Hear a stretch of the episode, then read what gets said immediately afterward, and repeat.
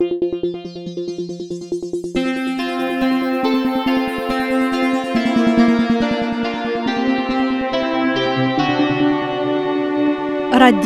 Esperanto Saluton! Parolas Kaliningrado. La dude quaran de novembro sabate, el la Kaliningrada studio de Radio Esperanto, vin salutas Alexander Korzenkov, kai Halina Gorecka. Finfine ni revenas al la monata ritmo, cae tago in antu la alveno de vintro, ni proponas al vi nian quardexesan son programon.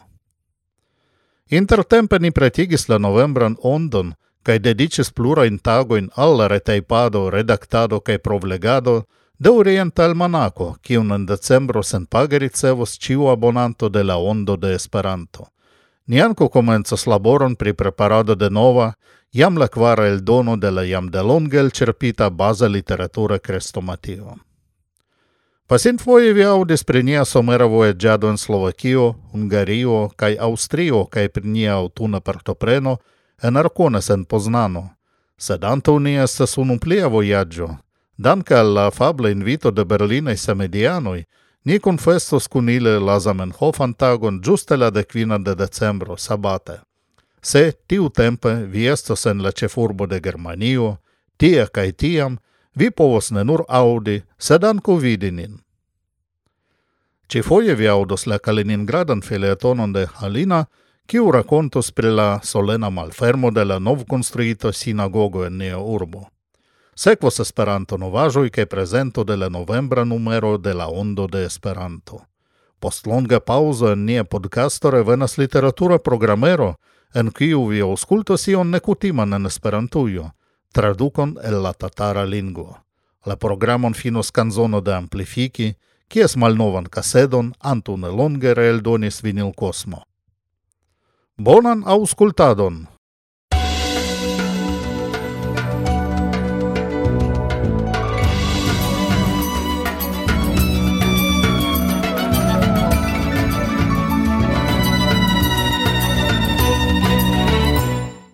Okcidente de Ruslando, Kaliningradaj novaĵoj. La okan de novembro en Kaliningrado estis solene inaugurita la nova Kaliningrada sinagogo.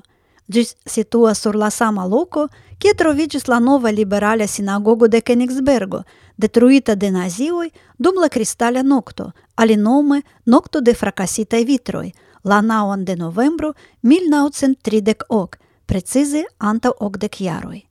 Fajron nunigis la internajn dekoraĵojn, kolekton de filozofia e biblioteko de la juda komunumo kaj la apudan judan orfejon. La nova sinagogo tiutempe estis la sesa sinagogo en Kenigsbergo, kies juda komunumo komence de 1930 jaroj superis kvar mil personojn. Pro la nazia kontraŭjuda politiko du trionoj el ili forlasis la urbon kaj la landon, kaj la sorto de la restintaj estis tragedia – Ела се синагогој рестиснор уну, ла ортодокса, сед манкес ла јудој пор визити джин. Плиоль Милькениксберга јудој, Пареис ен ла концентрејо Терезин штат. Кај на Аугусто, мил науцен квар де квар, дум ла брита бомб авиадиля атако, ки упрескав на Нигисла Урбон, естис детруита анко ла ласта синагого. Нуркел кај декој да јудој поствивис ен Кенигсберго. La nova sinagogo estas simila, sed ne identa alla Königsberga, konstruita en 1896, Gi altas 36 metroin, compare cun la 46 metra altezo de la malnova sinagogo. Por construado estis uzitei aliei materialoi ne la rugiai bricoi. En la malferma ceremonio partoprenis la cefa rabeno de Ruslando Ber Lazar, ambasadoro de Germanio en Ruslando Rüdiger von Fritsch, амбасадору де Исраелю ен Русландо Гари Корен, Германија министру при Европај аферој Михаел Рот, атестинту деля Кристаля Нокто Нехама Дробер, мулте Русландай кај Калининградај религијај, политикај кај социјај агантой. La plejlonga kaj simbola estis parolado de Mihail Roth, kiu diris: Mi hontas pro la kiu estis causita en Europo, en la Мундо, pro la rasa mal amo en Germanio. parolante pri la historia respondezo de Germanio pro fascismo, milito, holocausto, pri la comuna memoro cae pacigio, li nomis la malfermon de sinagogo en Kaliningrado signo de espero. En la sinagogo mem, cantoro tralegis pregion, on inspectis filmon pri la renascigo de sinagogo, кај хонорај гастој брулигис нигрен мемор канделюен. После соленажо, ла Калининграда симфонија оркестро пленумис ла симфонијан поемон Крео де ла Мондо де Исраеля компонисто Барух Берлинер, кио естис боне аудебля анкао ен ла редакцио де ла Ондо де Есперанто, el kies fenestroj bonege videblas la nomita signo de espero, kiun ni planas baldaŭ viziti. La Kaliningrada sinagogo iĝis la plej okcidenta sinagogo en Ruslando, kaj estas interese, ke en oktobro en la urbo Arhangelsk estis malfermita la plej norda ruslanda sinagogo. La sinagogo verŝajne baldaŭ iĝos populara inter turistoj, ja ĝi situas en la proksimeco de la plej vizitata en Kaliningrado insulo kun la katedralo, la tombo de Kantio kaj la Miela ponto. Venu foje al Kaliningrado.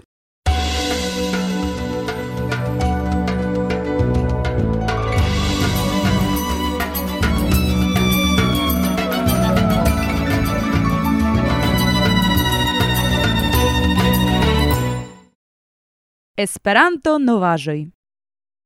La dudekan de oktobro 2010 la urbestro de la germania urbo Allen, Tilo Rentzler, kune kun Andrea Emerik, la prezidanto de fama fondaĵo, transdonis al profesorino Ilona Kutni la renoman kulturpremion de la fondaĵo Alois Meiners.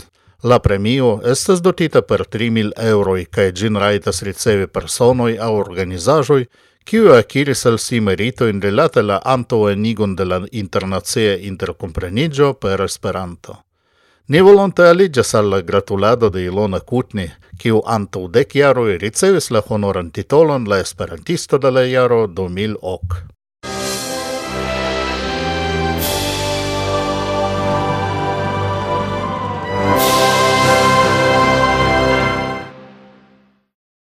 La decnaua konferenco pri aplikoj de Esperanto en scienzo kaj tekniko okazis de la decoca gis la dudek unua de oktobro 2000 mil en la urbeto Modra Harmonia, Slovakio. Ĝi estas jam la kvina konferenco, kiun ekde du mil organizis la grupo Edukado ĉe Interreto (ECI), neregistara asocio baziĝanta en Slovakio. Ciera partoprenis ĝin sepdeko da homo el dec tri por fari aŭ aŭskulti Pli ol tridec prelegoin pri la ceftemo evoluo de paradigmo in scienzo cae tecnico au pri aliei temoi.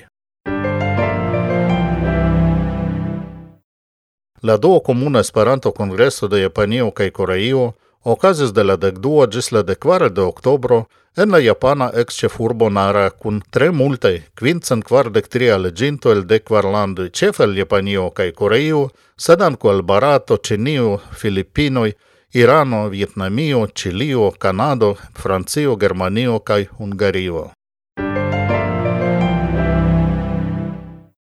Antaŭ la malfermo de la dudekkvara Ukrainia Esperanto-Kongreso en Lvivo okazis inaŭguro de memortabulo por la verkisto kaj esperantisto Vasilij Jeroŝenko en la strato kiu havas lian nomon. La dudecocan de octobro okazis en Tel Avivo conveno de la Israela Traducista Asocio, kiu estis plene dedicita al Esperanto. La kvarhoran programon partoprenis circo quindec personoi inter kiuj estis kelkaj esperantistoj. Komenciĝis la Esperanto kursoj ĉe la Artkolegio de Kunmin, Ĉinio, en kiu ĉi semestre estas tricent kvarge studentoj dividitaj en kvin klasoj en kiu instruos Luba Ogo kaj Alessandra Made per la lernolibro Moderna Esperanto compilita de la pekina profesoro Li Weilun. En la sekva jaro okazo selekto de novaj gvidorganoj de UEA por tri jaroj. Parto de la electoi estas electo de comitatanoi bo por representi la individuoin membroin en la comitato de UEA. Lau la statuto, oni electas unu komitatanon bo por ciu comancita milo de individuoi membroi. Do oni quin kvin komitatanojn B ĉifoje. Dek individuoi membroi, el minimume tri diversaj regnoi, raitas proponi unu solan candidaton el inter la individuoi membroi. Ciu candidato devos esti mem individua membro de OA dum la du antaŭaj jaroj. Gelajoreaba Otago non ducentenau personel kvar landoj aliĝis al la centkvara Universala Kongreso de Esperanto, kiu okazas venontjare en Lahtio, Finnlando. Plej novaĵojn el Esperantujo legu en la ondo de Esperanto kaj en nia novaĵretejo La Balta Ondo ĉe la adreso sezonoj.ru.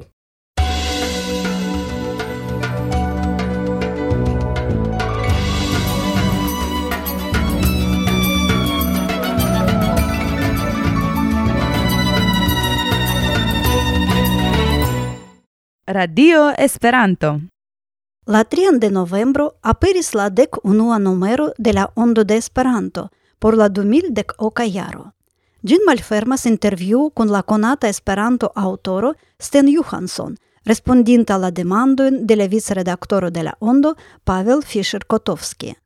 La interviun garnas listo de la originale vercoi de Sten Johansson en Esperanto, kiu fontas el lia retejo – originale literaturo esperanta. Lingua festivalio estas an la focuso de la primovada seccio eventoi. Ili okazis ci oktobre en Slovakio, Francio, Čuvašio kaj Siberio. En la cetere pagio de eventoi, oni povas legi pri la festa ceremonio en Allen, en kiu Ilona Kutni ricevis la Esperanto Kultur de Fame Fondaĵo, pri la conferenzo pri applicoi de Esperanto en scienzo kaj tekniko en Slovakio, pri la comuna congreso de esperantistoi de Japanio kaj Koreio, kaj pri multaj aliaj Esperanto agadoj, okazintaj kaj okazontaj en pluraj landoj. Inter la ses textoj en la sekcio tribuno atentindas la unua parto de la artikolo de Pavla Dvoržakova pri la Esperanto Muzeon Svitave – kaj la artikolo de Lu Wunsch Rolshoven pri la temo Deklaro pri Esperanto en Eŭropa Unio. La centjariĝo de la fino de la unua mondmilito ne povis esti ignorita en novembro. La okpaĝa eseo de Ulrich Linz Ĉu nova mondo post la milito, esperantistoj kaj internaciistoj antaŭ kaj post 1910 aperinta en la sekcio arkivo estas la plej ampleksa teksto de ĉi tiu numero. En novembra kultur sekcio Wolfgang Kirstein rakontas pri la ne atribuo de ĉiara literatura Nobel premio. Enestas recenzoj kaj prezentoj de literaturaj, gazetaj kaj muzikaj novaĵoj kaj la amuza rakonto La galoŝoj de la tatara verkisto Gajas Ishakov, kiun vi aŭdos tuj post la fino de ĉi tiu programero. Fine della sepdekdupaĝa novembra ondo la legantojn atendas lernejaj ŝercoj kaj plia kolekto de spritaj splitoj kaj presk eraroj de Ištvan Ertel. Ĉiuj ĉefaj sekcioj de la ondo restos en nia gazeto ankaŭ en la sekva jaro. De tempo al tempo aperos la rubriko Urboj de Ruslando kaj nia kuirarta rubriko. La redakcio planas prezenti la plej gravajn rusajn romanojn de la dudeka jarcento kaj realigi serion de intervjuoj kun niaj movadestroj kaj kulturagantoj. La marta numero estos dediĉita al interlingvistiko kaj esperantologio kaj en la junia ondo vi trovos multajn poeziajn kaj prozajn verkojn, kiuj estas originale verkitaj en Esperanto. Jarfine Ĉiuj abonanto ricevos senpagan literaturan supplementon. La Ondo de Esperanto estas abonebla por 2019 jaro ĉe landaj perantoj UEA konto kaj per la internacia pagosistemo PayPal. La abonprezo restas la sama jam la trian sinsekvan jaron, nur dek kvin euroj. Ĉiuj novaj abonantoj por 2019 ricevos donaci la abonon por 2010 ok. Plia informoj estas en niaj retejoj esperanto streketo ondo.ru kaj sezonoj.ru.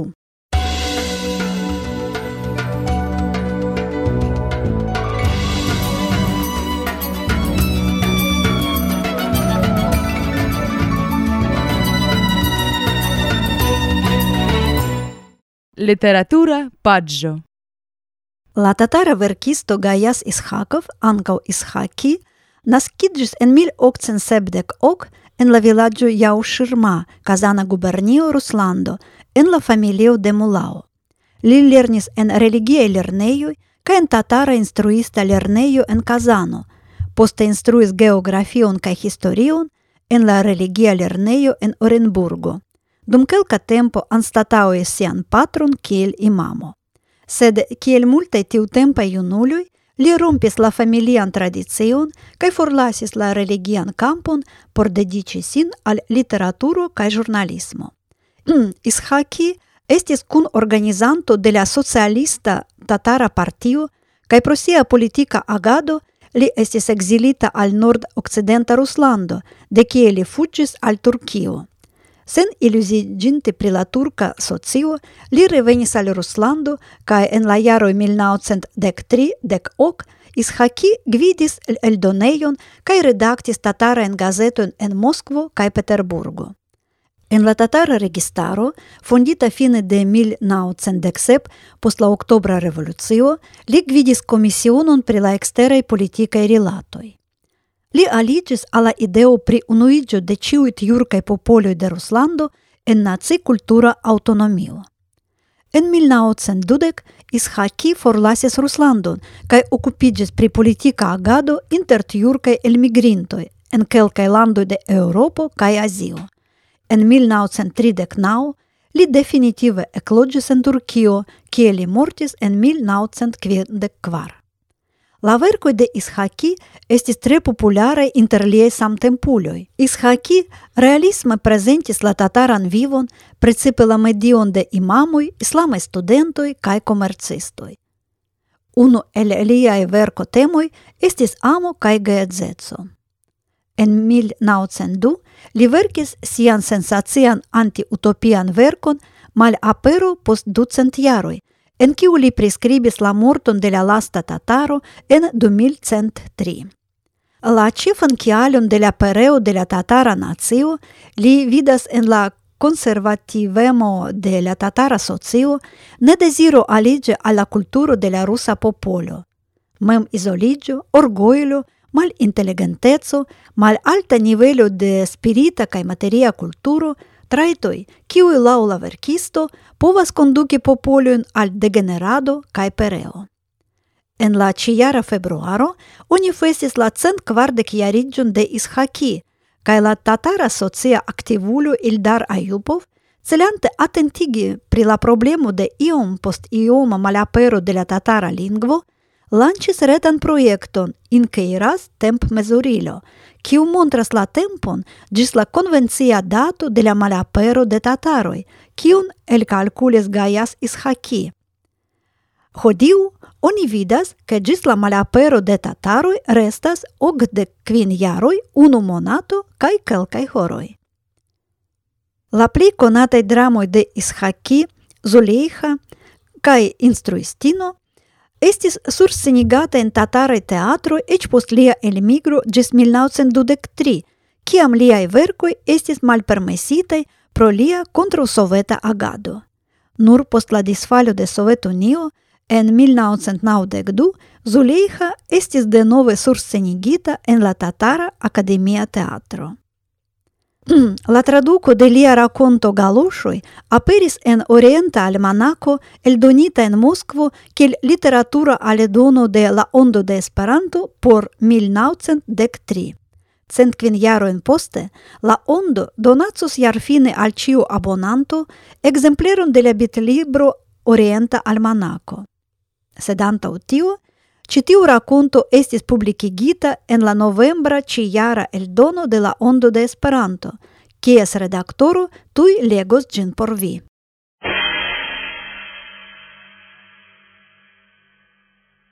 La galošoj. Fragmento el verko de Gajas Ishaki. Ricevinte la monon, instruisto Nasiro gioia aliris straten, ca in la poso de lia pantalono agrable tintis la argentai moneroi. Non li pensis. Mi povas aceti novain galošain, char jam en la malnovai galošacioi estes truo, kaj en ili quota aquot sonigas cecert cecert plei diverstone. Nasiro, palpante in la posha la monon, sin dorlotis per la penso, ca ien li tui aĉetos en butico, la novajn galoŝojn, ca tial li rapide marsis alla bazaro. Ien marceto. Li povis elekti alian voion, tamen li decidis iri recte tra la marceto por montri sian Mal rapide li tratrancis galoshe la kotakvon de unu bordo gis la alia. Atinginta la secan teron, li rimarcis che aquo fluetas el ciu truo de la galoshoi, cae dum la marchado ili quaso oscedas, quaso stertoras, quaso gemas agonie. Nasiro bonege, intime, conis cium trueton en la galosoi. Ciel per pompilo fluas aquo el la trueto sur la visaggio de la galosha, ciel el fonteto spruzzas aquo el sub la calcano, ca le piede malseciggias, malpuriggias, sed nun venis la tago del vengio. Tui la tri rublo en la posho liberigos lin, ca li povos forgeti la tedinta in galoshen.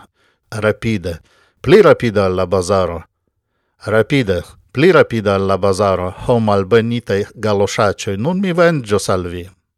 Marchanta al bazaro, en la fenestro de iu magazeno, li vides grandegan reklam galoshon, kaj li ridetis. Ho, oh, bonvolu attendi iomete, tui mi acetos. Iam giuante la vencon, li iris pluen, repalpante per la mano sian monon – Gi estas mia mono, li meditis, mia propra mono, kiun mi ricevis de miei trilernantoi. Dum unu monato mi instruis ilin, kaj ciu pagis po unu rublo. Nun li havas la eblon, aciri galoŝojn tre varmojn, tre molein, ili forgesigos lin pri la pasinta suferado, kai li sentis, quasi li jam promenas en novai oportunaj galoŝoj. Vera paradizo! Li aniras en galoŝ magazenon. La revo realigas. Li acetas novain galoshen. li engaloŝiĝas. La malnovain galoshen oni envolvas per papero, li prenas ilin cae foriras el la magazeno. Kiel plezure estas, kiel agrable! Oh, se ciu homo posedus la novajn galoshen, le ideo del tutmonde felicio estus effectivigita. Hove al persono ne havantan in galoshen la bona vestita piedo influas la tutan corpon, quasu la piedo administrus la capon, quasu ne la capon un revas cae pensas, sed la piedo imem tion faras. Nasiro, paradanta tra la strato, sentis sin kiel vencinto triumfanto. Pense li parolis alla strat marcia. Yes, tiel, nun vi ne povas malpurigi mien piedoi, ne, ne niel la galoshe costas ducent dude quin copecoin, yes! Sed giuste tiu momente li accentis che malpura aqua gutas sur lian veston. La malnovai galoshe malsecigis la paperon per kiu ili esis envolvitei. Nelonge pensante, Nasiro venge jetis ilin en la abudstratan rivereton. En lia poŝo restis sepdek kvin kopekoj kaj li decidis iri al restoracio por tagmanĝi. Trapasante la malpuran Kazanjan foin bazaron, li estis fiera ca aspectis simila al generalo ocupinta la sie gitan forticajon. Ciu tatara comercisto tui cedis al li la voion, rimarcante la brilon del novai galosoi. Grav miena nasiro eniras en la restauracion, cae ce la pordo vidas surscribon. Bon volu demeti galosoin. La surscribo shainas al li nelogica, ridinda, Tamen Nasiro obeis, nevolonte restigis la galoŝen en la antaŭĉambro ca eniris en la manĝosalonon. Kun granda apetito li formange sian porcion ca rapidis eliri por ree giui la belajn galoŝojn. Cia do ili estas? Li serces en la galoŝĉambro. Li serces? li serciadas, cae ne trovas. La pordisto ankaŭ serĉas. Vane. La clientoi de la restauratio foriras unu post la alia, ca en la galos chambro restas neniu galosho. La lasta espero estas perdita. Sen galoshoi Nasiro indirectas heimen tra la cota foin bazaro, electante pli secan voion. Ien unu piedo trafas en aquam. La botoi tutte malsecigas, cae chagrene la malfelice Nasiro ec gemas. Ho, galoshoi! галошой. Тарадуки Салататара Линго Юсуф Казаков.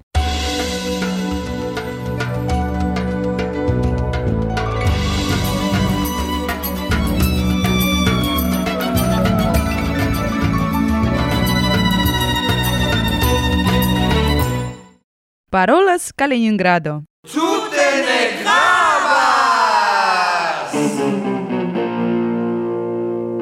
nia programo proximigas al la fino. Anto unu monato mi racontis al vi pri la legenda Esperanto rock muzika gruppo Amplifiki, cae pri ties unua kasedo tute ne gravas, eldonita anto 32 jaroi. Gin en oktobro reeldonis Vinil Kosmo el la remastrigitai originai bendoi. Mi do ne rakontos denove la historion de Amplifiki, sed nun proponas al vi ausculti unu plian canton el citiu legenda albumo cun la titolo Domo en Bonn. Cef cantas Martin Wiese. Auscultu gin, cae ne forgesu mendi cevin il cosmo exempleron de la nova malnova albumo. Gis raudo!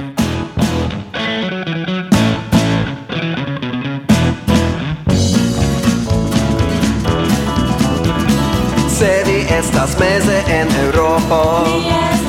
Se vi estas meze en Europo Et proxime alla un colonio Iru per la traino alla sudo Yes, iru per la traino alla sudo Ober Kassel, Sicilia, Strat En la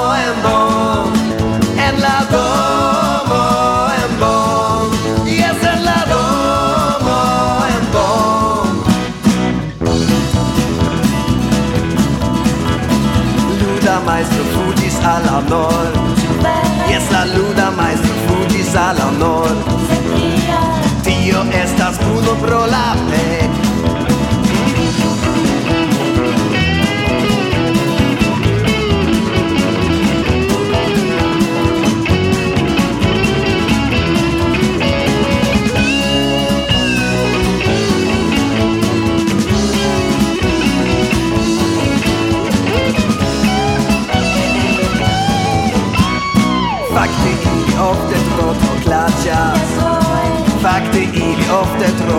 klacza Piła do detlinka żojtu yeah! And I go